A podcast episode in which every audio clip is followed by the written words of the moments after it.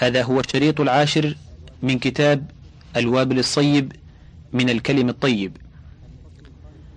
الفصل الخامس والأربعون في الذكر عند الولادة والذكر المتعلق بالولد. يذكر أن فاطمة رضي الله تعالى عنها لما دنا ولادها أمر النبي صلى الله عليه وسلم أم سلمة وزينب بنت جحش أن تأتي فتقرأ عليها آية الكرسي وإن ربكم الله الذي خلق السماوات والأرض إلى آخر الآيتين وتعوذاها بالمعوذتين. وقال أبو رافع رأيت رسول الله صلى الله عليه وسلم أذن في أذن الحسن بن علي حين ولدته فاطمة بالصلاة. قال الترمذي حديث حسن صحيح. ويذكر عن الحسين بن علي قال قال رسول الله صلى الله عليه وسلم من ولد له, من ولد له مولود فأذن في أذنه اليمنى وأقام في أذنه اليسرى لم تضره أم الصبيان. وقالت عائشة كان النبي صلى الله عليه وسلم يؤتى بالصبيان فيدعو لهم بالبركة ويحنكهم. رواه أبو داود وهو صحيح. وقال عبد الله بن عمرو رضي الله عنهما إن النبي صلى الله عليه وسلم أمر بتسمية المولود يوم سابعه ووضع الأذى عنه والعق. حديث حسن. وقد سمى النبي صلى الله عليه وسلم ابنه إبراهيم وإبراهيم ابن أبي موسى وعبد الله بن أبي طلحة والمنذر بن أبي أسيد قريبا من ولادتهم. وعن أبي الدرداء قال قال رسول الله صلى الله عليه وسلم إنكم تدعون يوم القيامة بأسمائكم فأحسنوا أسماءكم. ذكره أبو داود وهو ضعيف. وذكر مسلم عن عبد الله بن عمر قال قال رسول الله صلى الله عليه وسلم إن أحب أسمائكم إلى الله عز وجل عبد الله وعبد الرحمن. وعن أبي وهب الجشمي رضي الله عنه قال قال رسول الله صلى الله عليه وسلم تسموا بأسماء الأنبياء وإن أحب الأسماء إلى الله عز وجل عبد الله وعبد الرحمن وأصدقها حارث وهمام وأقبحها حرب ومرة. حديث صحيح. رواه أبو داود والنسائي.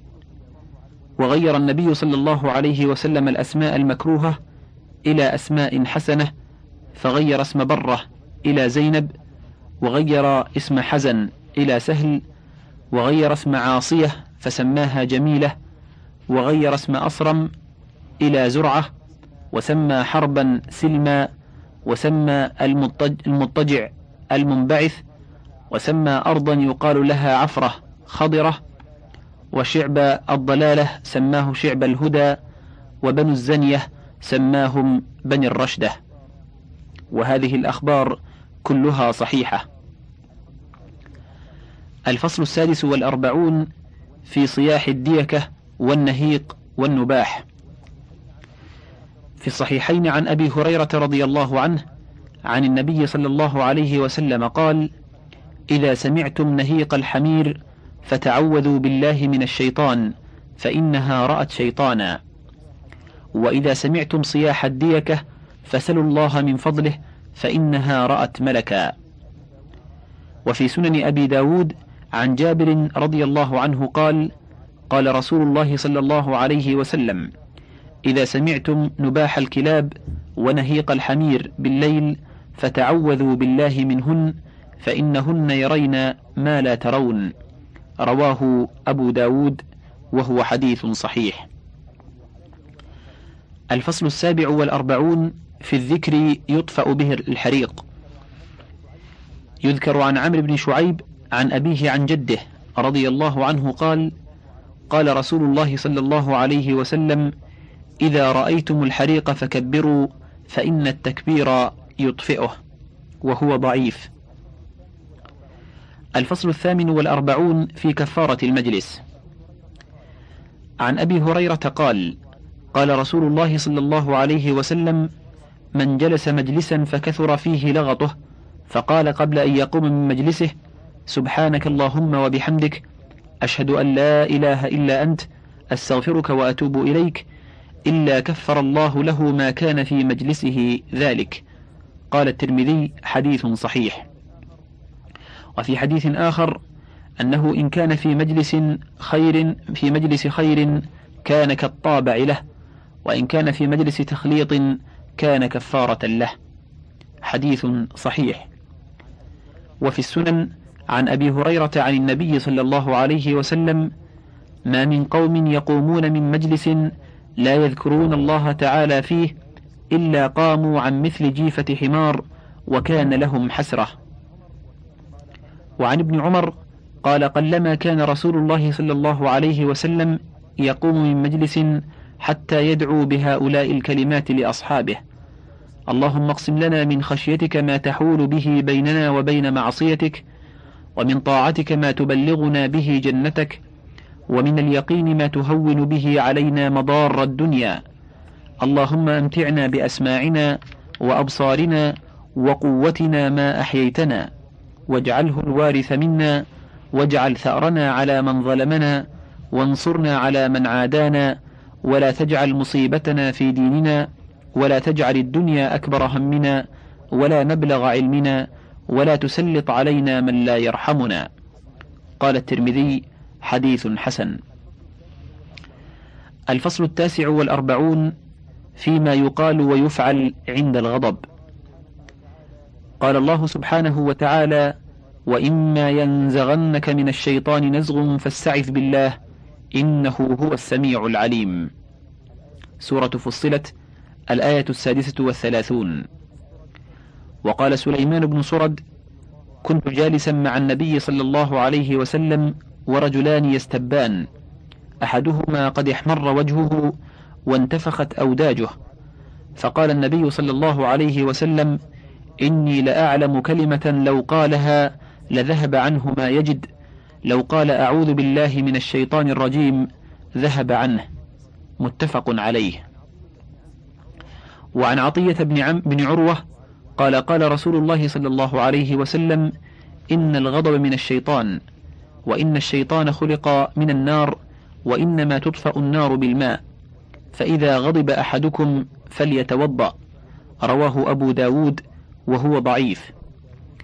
وفي حديث آخر أنه أمر من غضب إن كان قائما أن يجلس وإن كان جالسا أن يضطجع.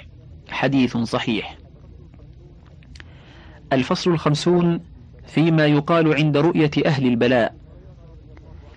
عن أبي هريرة رضي الله عنه عن النبي صلى الله عليه وسلم قال من رأى مبتلا فقال الحمد لله الذي عافاني مما ابتلاك به وفضلني على كثير ممن خلق تفضيلا لم يصبه ذلك البلاء.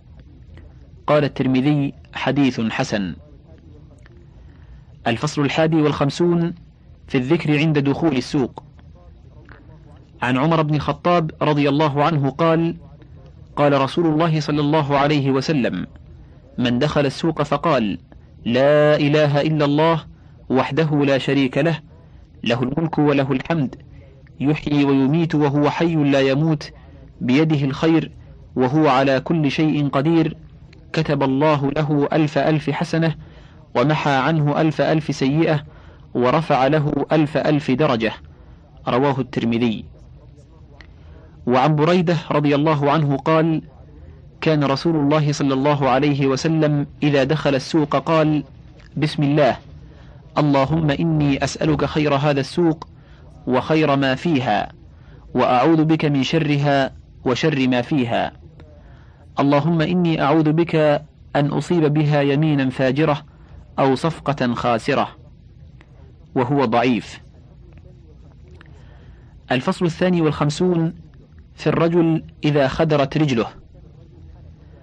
عن الهيثم بن حنش قال كنا عند عبد الله بن عمر رضي الله عنهما فخدرت رجله فقال له رجل اذكر أحب الناس إليك. فذكر محمدا فكأنما نشط من عقال.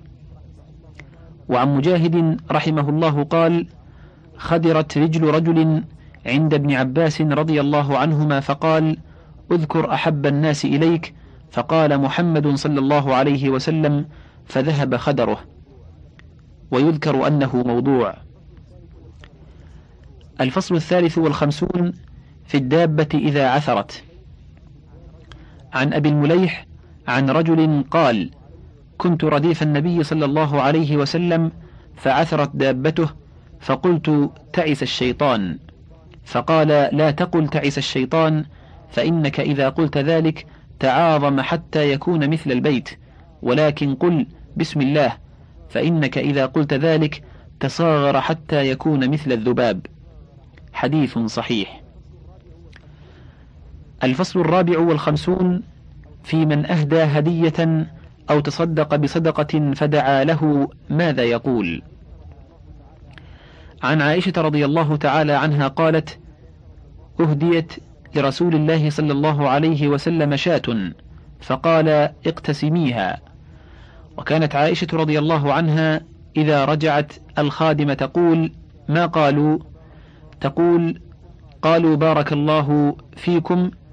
تقول عائشة رضي الله عنها وفيهم بارك الله. نرد عليهم مثل ما قالوا ويبقى أجرنا. حديث حسن. وقد روى عنها في الصدقة مثل ذلك. الفصل الخامس والخمسون في من أميط عنه أذى. عن أبي أيوب رضي الله عنه أنه تناول من لحية رسول الله صلى الله عليه وسلم أذى فقال رسول الله صلى الله عليه وسلم مسح الله عنك يا أبا أيوب ما تكره. وفي لفظ آخر لا يكن بك السوء يا أبا أيوب. وهو ضعيف. وعن عمر رضي الله عنه أنه أخذ عن رجل شيئا فقال الرجل صرف الله عنك السوء. فقال عمر رضي الله عنه صرف الله عنا السوء منذ أسلمنا ولكن إذا أخذ عنك شيء فقل أخذت يداك خيرا وهو موقوف.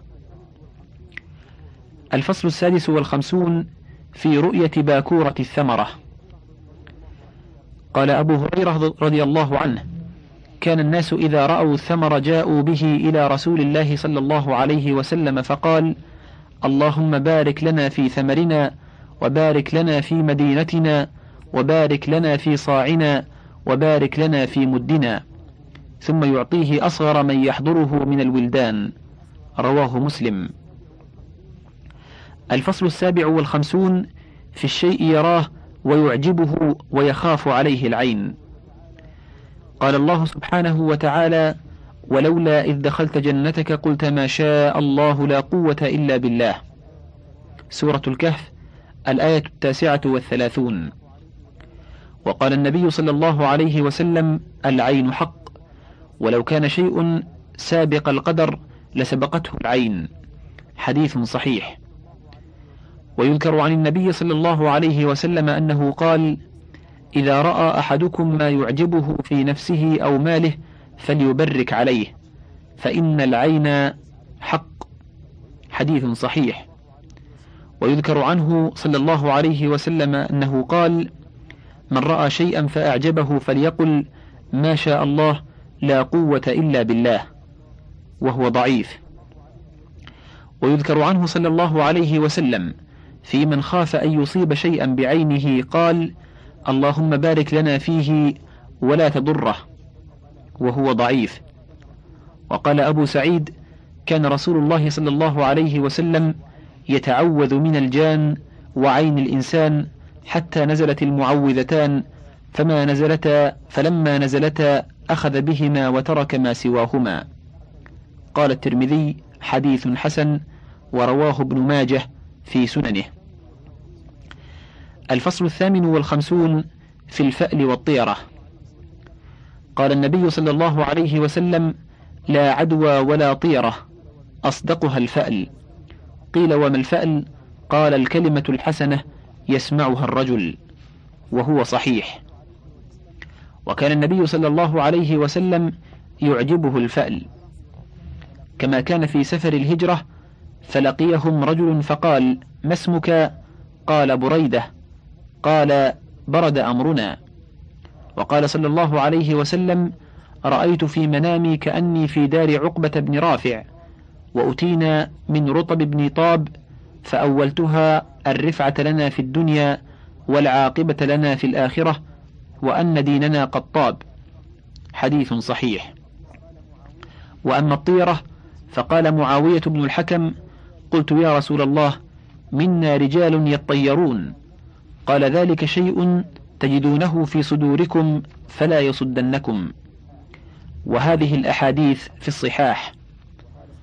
وعن عقبة بن عامر قال سئل رسول الله صلى الله عليه وسلم عن الطيرة فقال أصدقها الفأل ولا ترد مسلما.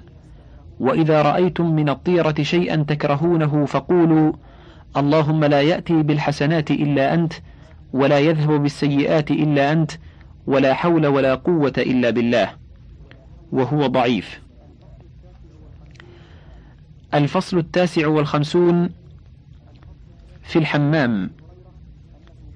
يذكر عن أبي هريرة أنه قال نعم البيت الحمام يدخله المسلم إذا دخله سأل الله الجنة واستعاذ به من النار. وهو ضعيف. الفصل الستون في الذكر عند دخول الخلاء والخروج منه. في الصحيحين عن أنس رضي الله عنه قال كان النبي صلى الله عليه وسلم إذا دخل الخلاء قال اللهم إني أعوذ بك من الخبث والخبائث. وزاد سعيد بن منصور بسم الله. وفي مسند الإمام أحمد عن زيد بن أرقم قال قال رسول الله صلى الله عليه وسلم إن هذه الحشوش محتضرة فإذا أتى أحدكم الخلاء فليقل أعوذ بالله من الخبث والخبائث. وهو صحيح. وفي سنن ابن ماجه عن أبي أمامة أن رسول الله صلى الله عليه وسلم قال لا يعجز أحدكم إذا دخل موقعه أن يقول اللهم إني أعوذ بك من الرجس النجس الخبيث المخبث الشيطان الرجيم وهو ضعيف. وفي الترمذي عن علي رضي الله عنه قال قال رسول الله صلى الله عليه وسلم ستر ما بين الجن وعورات بني آدم إذا دخل الكنيف أن يقول بسم الله. وقالت عائشة كان رسول الله صلى الله عليه وسلم إذا خرج من الغائط قال غفرانك. رواه الإمام أحمد وأهل السنن وهو حديث حسن. وفي سنن ابن ماجه عن أنس رضي الله عنه كان النبي صلى الله عليه وسلم إذا خرج من الخلاء قال الحمد لله الذي أذهب عني الأذى وعافاني وهو ضعيف. الفصل الحادي والستون في الذكر عند إرادة الوضوء. ثبت في النسائي عنه صلى الله عليه وسلم أنه وضع يده في الجفنة وقال توضأ ببسم الله. حديث صحيح. وفي صحيح مسلم عن جابر رضي الله عنه في حديثه الطويل وفيه يا جابر نادي بوضوء. فقلت ألا وضوء؟ ألا وضوء. وفيه فقال خذ يا جابر فصب علي وقل بسم الله. فصببت عليه وقلت بسم الله. فرأيت الماء يفور من بين أصابع رسول الله صلى الله عليه وسلم. وفي المسند والسنن من حديث سعيد بن زيد عن النبي صلى الله عليه وسلم لا وضوء لمن لم يذكر اسم الله عليه. حديث صحيح. قال البخاري هذا أحسن شيء في هذا الباب. وعن أبي هريرة قال قال رسول الله صلى الله عليه وسلم لا صلاة لمن لا وضوء له ولا وضوء لمن لم يذكر اسم الله عليه. حديث صحيح. رواه الإمام أحمد وأبو داود.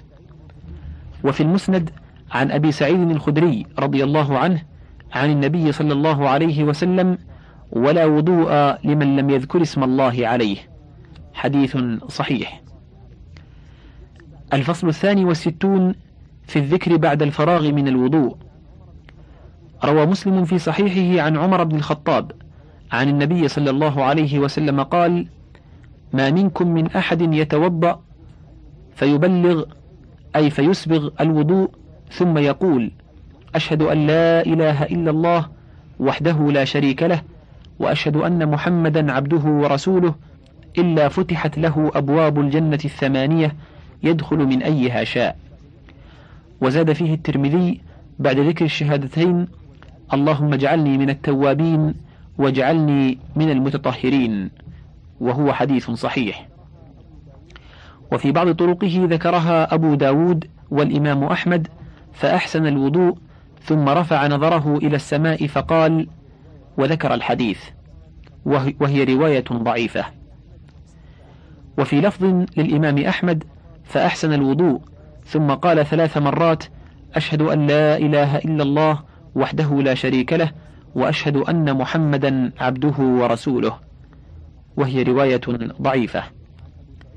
وفي سنن النسائي عن أبي سعيد الخدري قال من توضأ ففرغ من وضوئه وقال سبحانك اللهم أشهد أن لا إله إلا أنت أستغفرك وأتوب إليك طبع عليها بطابع ثم رفعت تحت العرش فلم تكسر إلى يوم القيامة حديث صحيح هكذا رواه من قول أبي سعيد رضي الله عنه وأما الأذكار التي يقولها العامة على الوضوء عند كل وضوء فلا أصل لها عن رسول الله صلى الله عليه وسلم ولا عن أحد من الصحابة والتابعين ولا الآئمة الأربعة وفيها حديث كذب على رسول الله صلى الله عليه وسلم.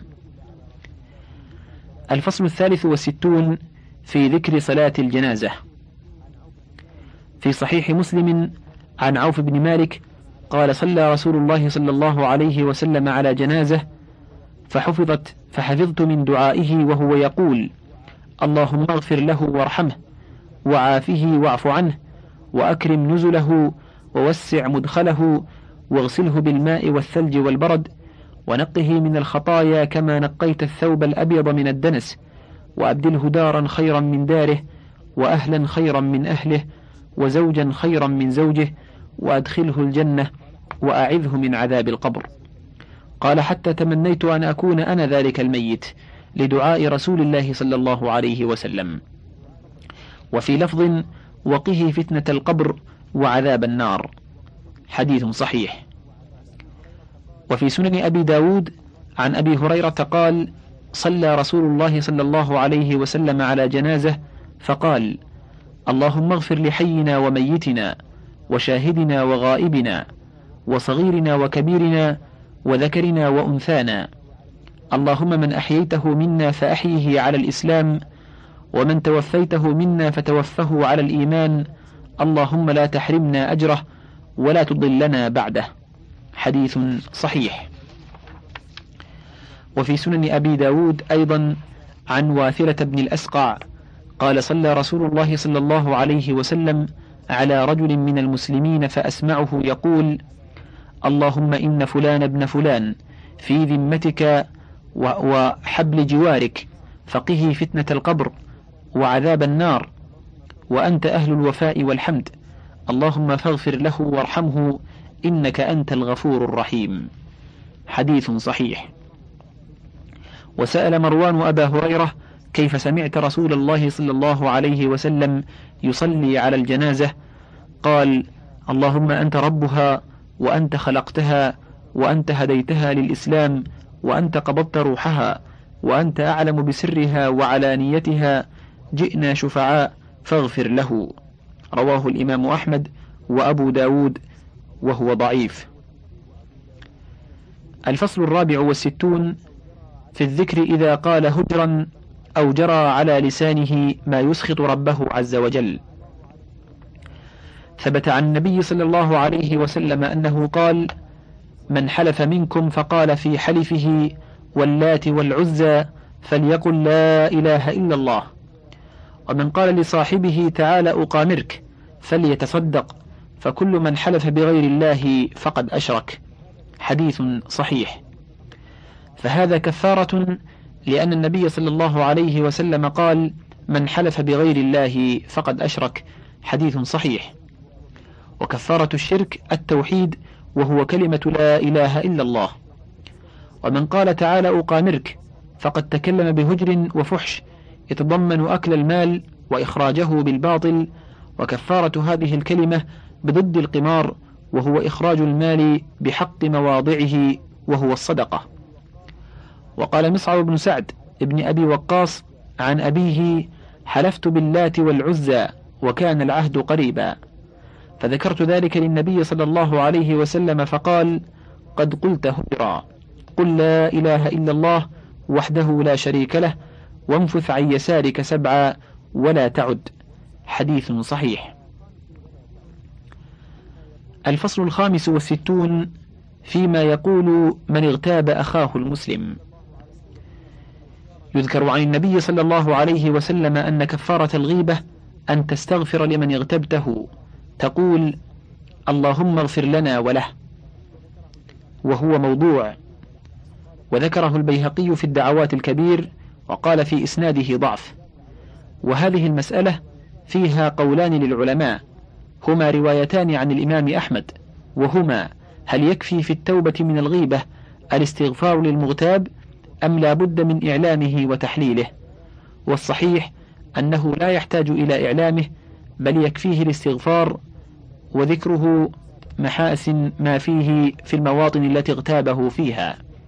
وهذا اختيار شيخ الإسلام ابن تيمية وغيره. والذين قالوا لا بد من إعلامه جعلوا الغيبة كالحقوق المالية والفرق بينهما ظاهر. فإن الحقوق المالية ينتفع المظلوم بعود نظير مظلمته إليه فإن شاء أخذها وإن شاء تصدق بها. وأما في الغيبة فلا يمكن ذلك ولا يحصل له بإعلامه إلا عكس مقصود الشارع صلى الله عليه وسلم فإنه يوغر صدره ويؤذيه إذا سمع ما رمي به ولعله يهيج عداوته ولا يصفو له أبدا. وما كان هذا سبيله فإن الشارع الحكيم صلى الله عليه وسلم لا يبيحه ولا يجوزه فضلا عن أن يوجبه ويأمر به ومدار الشريعة على تعطيل المفاسد وتقليلها لا على تحصيلها وتكميلها. والله تعالى أعلم. الفصل السادس والستون فيما يقال ويفعل عند كسوف الشمس وخسوف القمر. في الصحيحين عن عائشة رضي الله تعالى عنها عن النبي صلى الله عليه وسلم قال إن الشمس والقمر لا يخسفان لا يخسفان لموت أحد ولا لحياته. فإذا رأيتم ذلك فادعوا الله وكبروا وتصدقوا. وفي صحيح مسلم عن عبد الرحمن بن سمرة قال بين أنا أرمي بأسهم لي في حياة رسول الله صلى الله عليه وسلم إذ كسفت الشمس فنبذتهن وقلت لأنظرن ما حدث لرسول الله صلى الله عليه وسلم في كسوف الشمس اليوم. فانتهيت إليه وهو رافع يديه يسبح ويحمد ويهلل ويدعو حتى حسر عن الشمس فقرأ بسورتين وركع ركعتين حديث صحيح والنبي صلى الله عليه وسلم أمر في الكسوف بالصلاة والعتاقة والمبادرة إلى ذكر الله تعالى والصدقة فإن هذه الأمور تدفع أسباب البلاء. الفصل السابع والستون فيما يقول من ضاع له شيء ويدعو به. ذكر علي بن العيني عن سفيان عن ابن عجلان عن عمر بن كثير بن أفلح قال: كان ابن عمر يقول للرجل إذا أضل شيئا قل اللهم رب الضالة هادي الضالة تهدي من الضلالة رد علي ضالتي بقدرتك وسلطانك فإنها من عطائك وفضلك. وفي وجه آخر سئل ابن عمر رضي الله عنه عن الضالة فقال يتوضأ ويصلي ركعتين ثم يتشهد ثم يقول اللهم راد الضالة هادي الضلال وتهدي من الضلال رد علي ضالتي بعزتك وسلطانك فإنها من فضلك وعطائك. قال البيهقي هذا موقوف وهو حسن وقد قيل إن من ضاع له شيء فقال يا جامع الناس ليوم لا ريب فيه رد علي ضالتي ردها الله تعالى عليه. الفصل الثامن والستون في عقد التسبيح بالأصابع وأنه أفضل من السبحة. روى الأعمش عن عطاء بن السائب عن أبيه عن عبد الله بن عمر قال رأيت رسول الله صلى الله عليه وسلم يعقد التسبيح بيمينه رواه أبو داود وهو حديث صحيح. وروت يسيرة إحدى المهاجرات رضي الله عنها قالت قال رسول الله صلى الله عليه وسلم عليكن بالتسبيح والتهليل والتقديس ولا تغفلن فتنسين الرحمة وأعقدن بالأنامل فإنهن مسؤولات ومستنطقات. حديث حسن. الفصل التاسع والستون في أحب الكلام إلى الله عز وجل بعد القرآن. ثبت في صحيح مسلم عن سمرة بن جندب قال قال رسول الله صلى الله عليه وسلم أحب الكلام إلى الله تعالى أربع لا يضرك بأيهن بدأت سبحان الله والحمد لله ولا إله إلا الله والله أكبر وفي وجه آخر أفضل الكلام بعد القرآن أربع وهن من القرآن سبحان الله والحمد لله ولا إله إلا الله والله أكبر وفي أثر آخر أفضل الكلام ما اصطفى الله لملائكته. سبحان الله وبحمده. حديث صحيح. وفي الصحيحين عن أبي هريرة عن النبي صلى الله عليه وسلم كلمتان خفيفتان على اللسان ثقيلتان في الميزان حبيبتان إلى الرحمن. سبحان الله وبحمده. سبحان الله العظيم. وفي صحيح مسلم عن أبي هريرة رضي الله عنه عن النبي صلى الله عليه وسلم قال لأن أقول سبحان الله والحمد لله ولا إله إلا الله والله أكبر أحب إلي مما طلعت عليه الشمس. الفصل السبعون في الذكر المضاعف.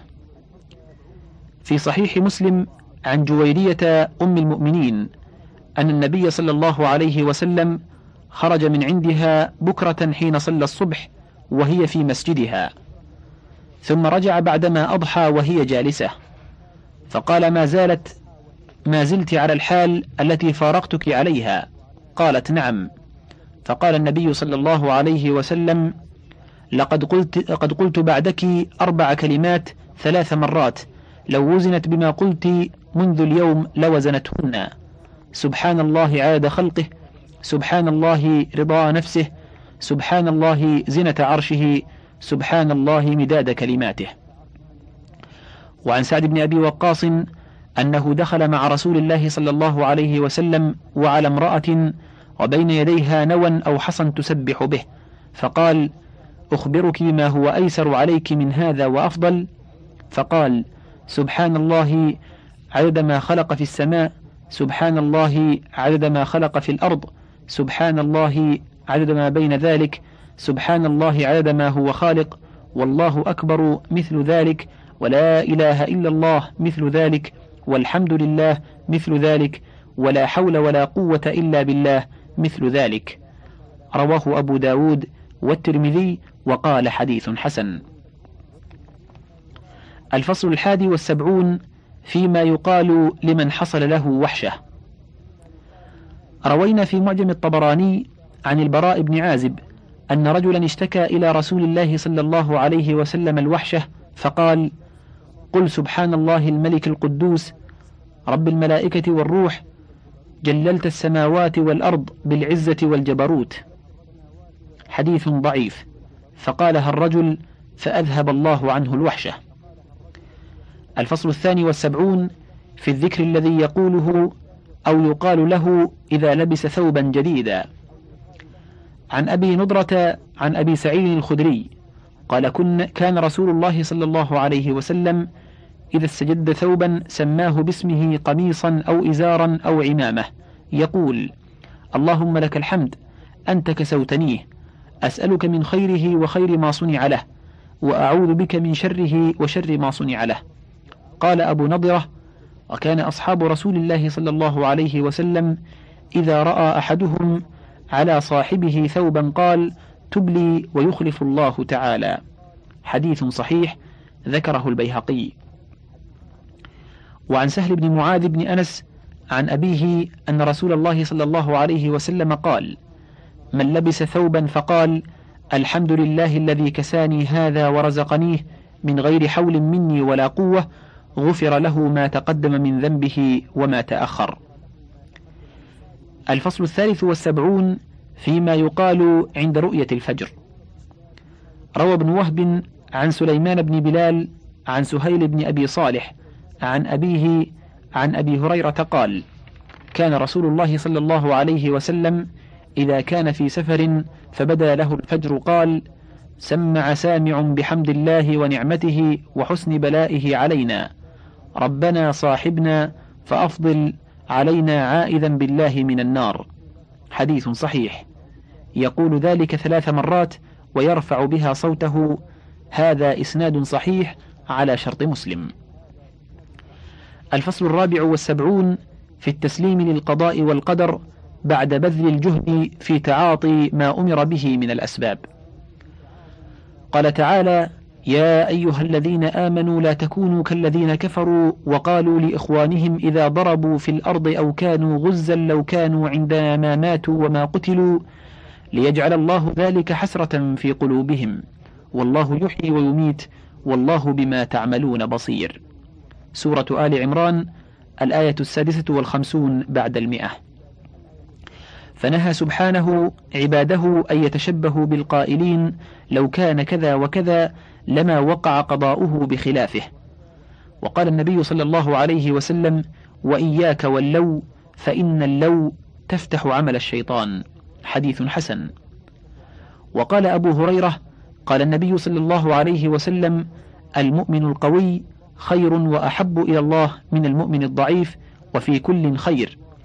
احرص على ما ينفعك واستعن بالله ولا تعجز. وإن أصابك شيء فلا تقل لو أني فعلت كان كذا وكذا. ولكن قل قدر الله وما شاء فعل فإن لو تفتح عمل الشيطان. رواه مسلم. وعن عوف بن مالك أن النبي صلى الله عليه وسلم قضى بين رجلين فقال المقضي عليه لما أدبر حسبنا الله ونعم الوكيل. فقال النبي صلى الله عليه وسلم إن الله يلوم على العجز ولكن عليك بالكيس فإذا غلبك أمر فقل حسبي الله ونعم الوكيل. حديث ضعيف. فنهى النبي صلى الله عليه وسلم أن يقول عند جريان القضاء بما يضره ولا ينفعه وأمره أن يفعل من الأسباب ما لا غنى له عنه فإن أعجزه القضاء قال حسبي الله. فإذا قال حسبي الله بعد تعاطي ما أمره من الأسباب قالها وهو محمود فانتفع بالفعل والقول وإذا عجز وترك الأسباب وقالها قالها وهو ملوم بترك الأسباب التي اقتضتها حكمة الله عز وجل فلم تنفعه الكلمة نفعها لمن فعل ما أمر به. الفصل الخامس والسبعون في جوامع في جوامع من أدعية النبي صلى الله عليه وسلم وتعوذاته لا غنى للمرء عنها. قالت عائشة: كان النبي صلى الله عليه وسلم يحب الجوامع من الدعاء ويدع ما بين ذلك. حديث صحيح. وفي المسند والنسائي وغيرهما أن سعدا سمع ابنا له يقول: اللهم إني أسألك الجنة وغرفها وكذا وكذا، وأعوذ بك من النار وأغلالها وسلاسلها. فقال سعد رضي الله عنه: لقد سألت الله خيرا كثيرا، وتعوذت من شر كثير. وإني سمعت رسول الله صلى الله عليه وسلم يقول: سيكون قوم يعتدون في الدعاء. وبحسبك أن تقول اللهم إني أسألك من الخير كله ما علمت منه وما لم أعلم وأعوذ بك من الشر كله ما علمت منه وما لم أعلم. حديث حسن. وفي مسند الإمام أحمد وسنن النسائي عن ابن عباس قال كان من دعاء النبي صلى الله عليه وسلم رب أعني ولا تعن علي وانصرني ولا تنصر علي وامكر لي ولا تمكر علي وانصرني على من بغى علي رب اجعلني لك شكارا لك ذكارا لك رهابا لك مخبتا إليك أواها منيبا. رب تقبل توبتي واغسل حوبتي وأجب دعوتي وثبت حجتي واهد قلبي وسدد لساني واسلل سخيمة قلبي. هذا حديث صحيح ورواه الترمذي وحسنه وصححه. وفي الصحيحين من حديث أنس بن مالك قال كنت أخدم النبي صلى الله عليه وسلم فكنت أسمعه يكثر أن يقول اللهم إني أعوذ بك من الهم والحزن والعجز والكسل والبخل والجبن وضلع الدين وغلبة الرجال وفي صحيح مسلم عن زيد بن أرقم رضي الله عنه قال لا أقول لكم إلا كما كان رسول الله صلى الله عليه وسلم يقول. كان يقول اللهم إني أعوذ بك من العجز والكسل والجبن والبخل والهرم وعذاب القبر. اللهم آت نفسي تقواها زكها أنت خير من زكاها إنك وليها ومولاها. اللهم إني أعوذ بك من قلب لا يخشع ونفس لا تشبع وعلم لا ينفع ودعوة لا يستجاب لها. وفي الصحيحين عن عائشة رضي الله تعالى عنها أن رسول الله صلى الله عليه وسلم كان يدعو اللهم إني أعوذ بك من عذاب القبر وأعوذ بك من فتنة المسيح الدجال وأعوذ بك من فتنة المحيا والممات اللهم إني أعوذ بك من المأثم والمغرم. فقال قائل ما أكثر ما تستعيذ من المغرم. قال إن الرجل إذا غرم حدث فكذب ووعد فأخلف. وفي صحيح مسلم عن ابن عمر رضي الله عنهما قال كان من دعاء النبي صلى الله عليه وسلم اللهم إني أعوذ بك من زوال نعمتك وتحول عافيتك ومن فجاءة نقمتك ومن جميع سخطك. وفي الترمذي عن عائشة قالت قلت يا رسول الله إن وافقت, إن وافقت ليلة القدر ما أسأل؟ قال قولي اللهم إنك عفو تحب العفو فاعف عني. قال الترمذي صحيح. وفي مسند الإمام أحمد عن أبي بكر الصديق عن النبي صلى الله عليه وسلم أنه قال عليكم بالصدق فإنه مع البر وهما في الجنة. وإياكم والكذب فإنه مع الفجور وهما في النار. وسلوا الله المعافاة فإنه لم يؤت رجل بعد اليقين خيرا من المعافاة. حديث صحيح. وفي صحيح الحاكم عن ابن عمر عن النبي صلى الله عليه وسلم قال ما سئل الله عز وجل شيئا أحب إليه من أن يسأل العافية. وهو ضعيف. وذكر الفريابي في كتاب الذكر من حديث أنس بن مالك رضي الله عنه قال جاء رجل إلى النبي صلى الله عليه وسلم فقال أي الدعاء أفضل؟ قال تسأل الله العفو والعافية فإذا أعطيت ذلك فقد أفلحت. وهو ضعيف. وفي الدعوات للبيهقي عن معاذ بن جبل قال مر رسول الله صلى الله عليه وسلم برجل يقول اللهم إني أسألك الصبر. قال سألت الله البلاء فسل العافية. ومر برجل يقول اللهم إني أسألك تمام النعمة. فقال وما تمام النعمة؟ قال سألت وأنا أرجو الخير. قال له تمام النعمة الفوز من النار ودخول الجنة. وهو ضعيف. وفي صحيح مسلم عن أبي مالك الأشجعي رضي الله تعالى عنه قال كان رسول الله صلى الله عليه وسلم يعلم من أسلم أن يقول اللهم اهدني وارزقني وعافني وارحمني. وفي المسند عن بسر بن أرطاة عن بسر بن أرطاة رضي الله تعالى عنه قال سمعت رسول الله صلى الله عليه وسلم يقول اللهم أحسن عاقبتنا في الأمور كلها وأجرنا من خزي الدنيا وعذاب الآخرة. وهو ضعيف. وفي المسند وصحيح الحاكم عن ربيعة بن عامر عن النبي صلى الله عليه وسلم ألظوا بياذ الجلال والإكرام. حديث صحيح. أي الزموها وداوموا عليها. وفي صحيح الحاكم أيضا عن أبي هريرة أن رسول الله صلى الله عليه وسلم قال لهم أتحبون أيها الناس أن تجتهدوا في الدعاء؟ قالوا نعم يا رسول الله. قال قولوا اللهم أعنا على ذكرك وشكرك وحسن عبادتك. حديث صحيح. وفي الترمذي وغيره أن النبي صلى الله عليه وسلم أوصى معاذا أن يقولها دبر كل صلاة. وفي صحيحه أيضا عن أنس قال كنا مع النبي صلى الله عليه وسلم في حلقة ورجل قائم يصلي فلما ركع وسجد تشهد ودعا فقال في دعائه اللهم إني أسألك بأن لك الحمد لا إله إلا أنت بديع السماوات والأرض يا ذا الجلال والإكرام يا حي يا قيوم.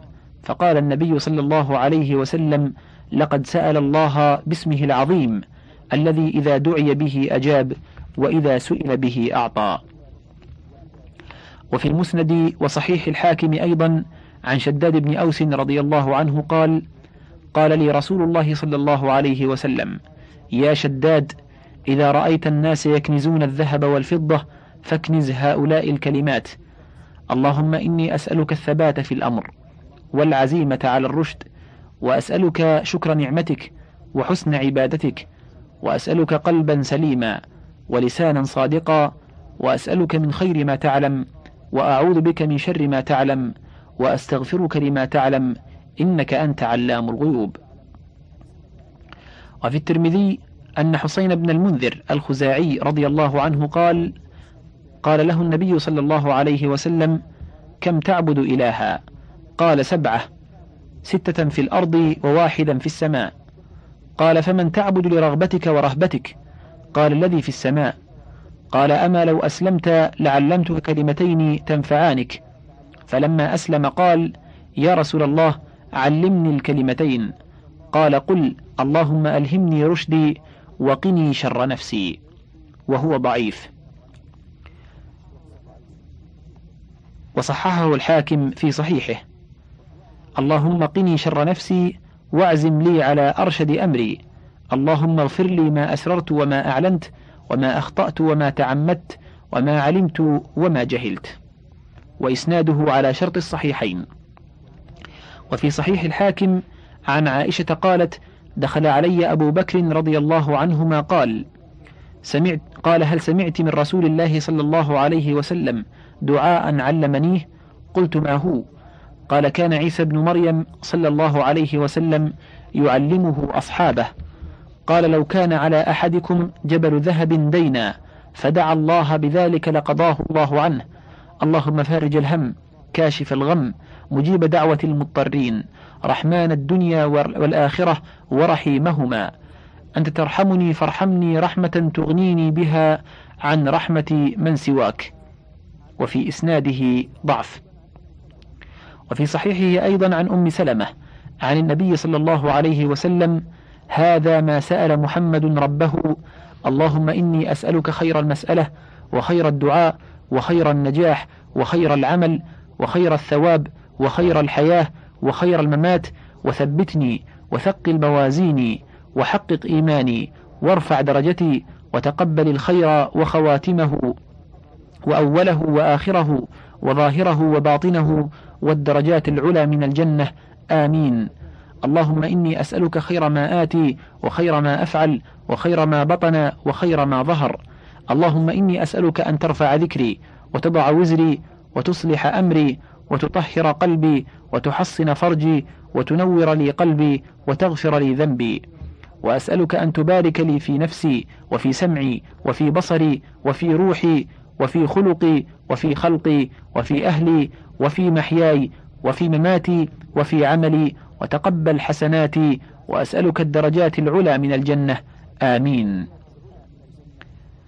صححه الحاكم. وفي صحيحه أيضا من حديث معاذ قال أبطى عنا رسول الله صلى الله عليه وسلم بصلاة الفجر حتى كادت أن تدركنا الشمس ثم خرج فصلى بنا فخفف ثم أقبل علينا بوجهه فقال على مكانكم أخبركم ما بطأني عنكم اليوم. إني صليت في ليلتي هذه ما شاء الله ثم ملكتني عيني فنمت. فرأيت ربي تبارك وتعالى فألهمني أن قلت اللهم إني أسألك الطيبات وفعل الخيرات وترك المنكرات وحب المساكين وأن تتوب علي وتغفر لي وترحمني. وإذا أردت في خلقك فتنة فنجني إليك منها غير مفتون. اللهم وأسألك حبك وحب من يحبك وحب عمل يبلغني إلى حبك. ثم أقبل رسول الله صلى الله عليه وسلم قال تعلموهن وادرسوهن فإنه حق وهو ضعيف. ورواه الترمذي والطبراني وابن خزيمة وغيرهم بألفاظ أخر. وفي صحيح الحاكم أيضا عن ابن عباس قال كان النبي صلى الله عليه وسلم يدعو اللهم متعني بما رزقتني وبارك لي فيه, فيه واخلف علي كل غائبة لي بخير. وفيه عن أنس بن مالك أن رسول الله صلى الله عليه وسلم كان يقول اللهم انفعني بما علمتني وعلمني ما ينفعني وارزقني علما ينفعني. وفيه أيضا عن عائشة أن رسول الله صلى الله عليه وسلم أمرها أن تدعو بهذا الدعاء. اللهم إني أسألك من الخير كله عاجله وآجله ما علمت منه وما لم أعلم. وأعوذ بك من الشر كله عاجله وآجله ما علمت منه وما لم أعلم. وأسألك الجنة وما قرب إليها من قول أو عمل. وأعوذ بك من النار وما قرب إليها من قول أو عمل. وأسألك من خير ما سألك عبدك ورسولك محمد وأسألك ما قضيت لي من أمر أن تجعل عاقبته رشدا. حديث صحيح. وفيه عن أبي هريرة رضي الله عنه أن رسول الله صلى الله عليه وسلم أوصى سلمان الخير فقال له إني أريد أن أمنحك كلمات تسألهن الرحمن وترغب إليه فيهن وتدعو بهن في الليل والنهار. قل اللهم إني أسألك صحة في إيمان وإيمانا في حسن خلق ونجاحا يتبعه فلاح ورحمة منك وعافية ومغفرة منك ورضوانا وهو ضعيف. وفيه أيضا عن أم سلمة عن النبي صلى الله عليه وسلم أنه كان يدعو بهؤلاء الدعوات اللهم أنت الأول لا شيء قبلك وأنت الآخر لا شيء بعدك أعوذ بك من كل شر من كل شر من كل شر كل دابة ناصيتها بيدك وأعوذ بك من الإثم والكسل ومن عذاب القبر ومن فتنة الغنى ومن فتنة الفقر وأعوذ بك من المأثم والمغرم. اللهم نق قلبي من الخطايا كما نقيت الثوب الأبيض من الدنس. اللهم بعد بيني وبين خطيئتي كما بعدت بين المشرق والمغرب. حديث صحيح. وفي مسند الإمام أحمد وصحيح الحاكم أيضا عن عمار بن ياسر رضي الله عنه أنه صلى صلاة أوجز فيها فقيل له في ذلك قال لقد دعوت الله فيها بدعوات سمعتهن من رسول الله صلى الله عليه وسلم. اللهم بعلمك الغيب وقدرتك على الخلق أحيني ما علمت الحياة خيرا لي. اللهم وأسألك خشيتك في الغيب والشهادة وأسألك كلمة الحق في الغضب والرضا. اللهم وأسألك القصد في الفقر والغنى وأسألك نعيما لا ينفد وأسألك قرة عين لا تنقطع وأسألك الرضا بعد القضاء وأسألك برد العيش بعد الموت. وأسألك لذة النظر إلى وجهك وأسألك الشوق إلى لقائك من غير ضراء مضرة ولا فتنة مضلة. اللهم زينا بزينة الإيمان واجعلنا هداة مهتدين. وفي صحيح الحاكم أيضا عن ابن مسعود رضي الله عنه قال كان من دعاء رسول الله صلى الله عليه وسلم اللهم إنا نسألك موجبات رحمتك وعزائم مغفرتك والسلامة من كل إثم والغنيمة من كل بر والفوز بالجنة والنجاة من النار وهو ضعيف.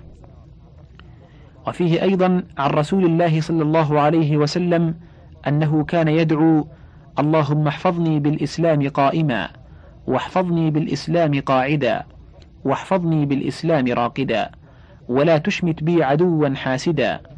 اللهم إني أسألك من خير من خير خزائنه بيدك وأعوذ بك من شر خزائنه بيدك.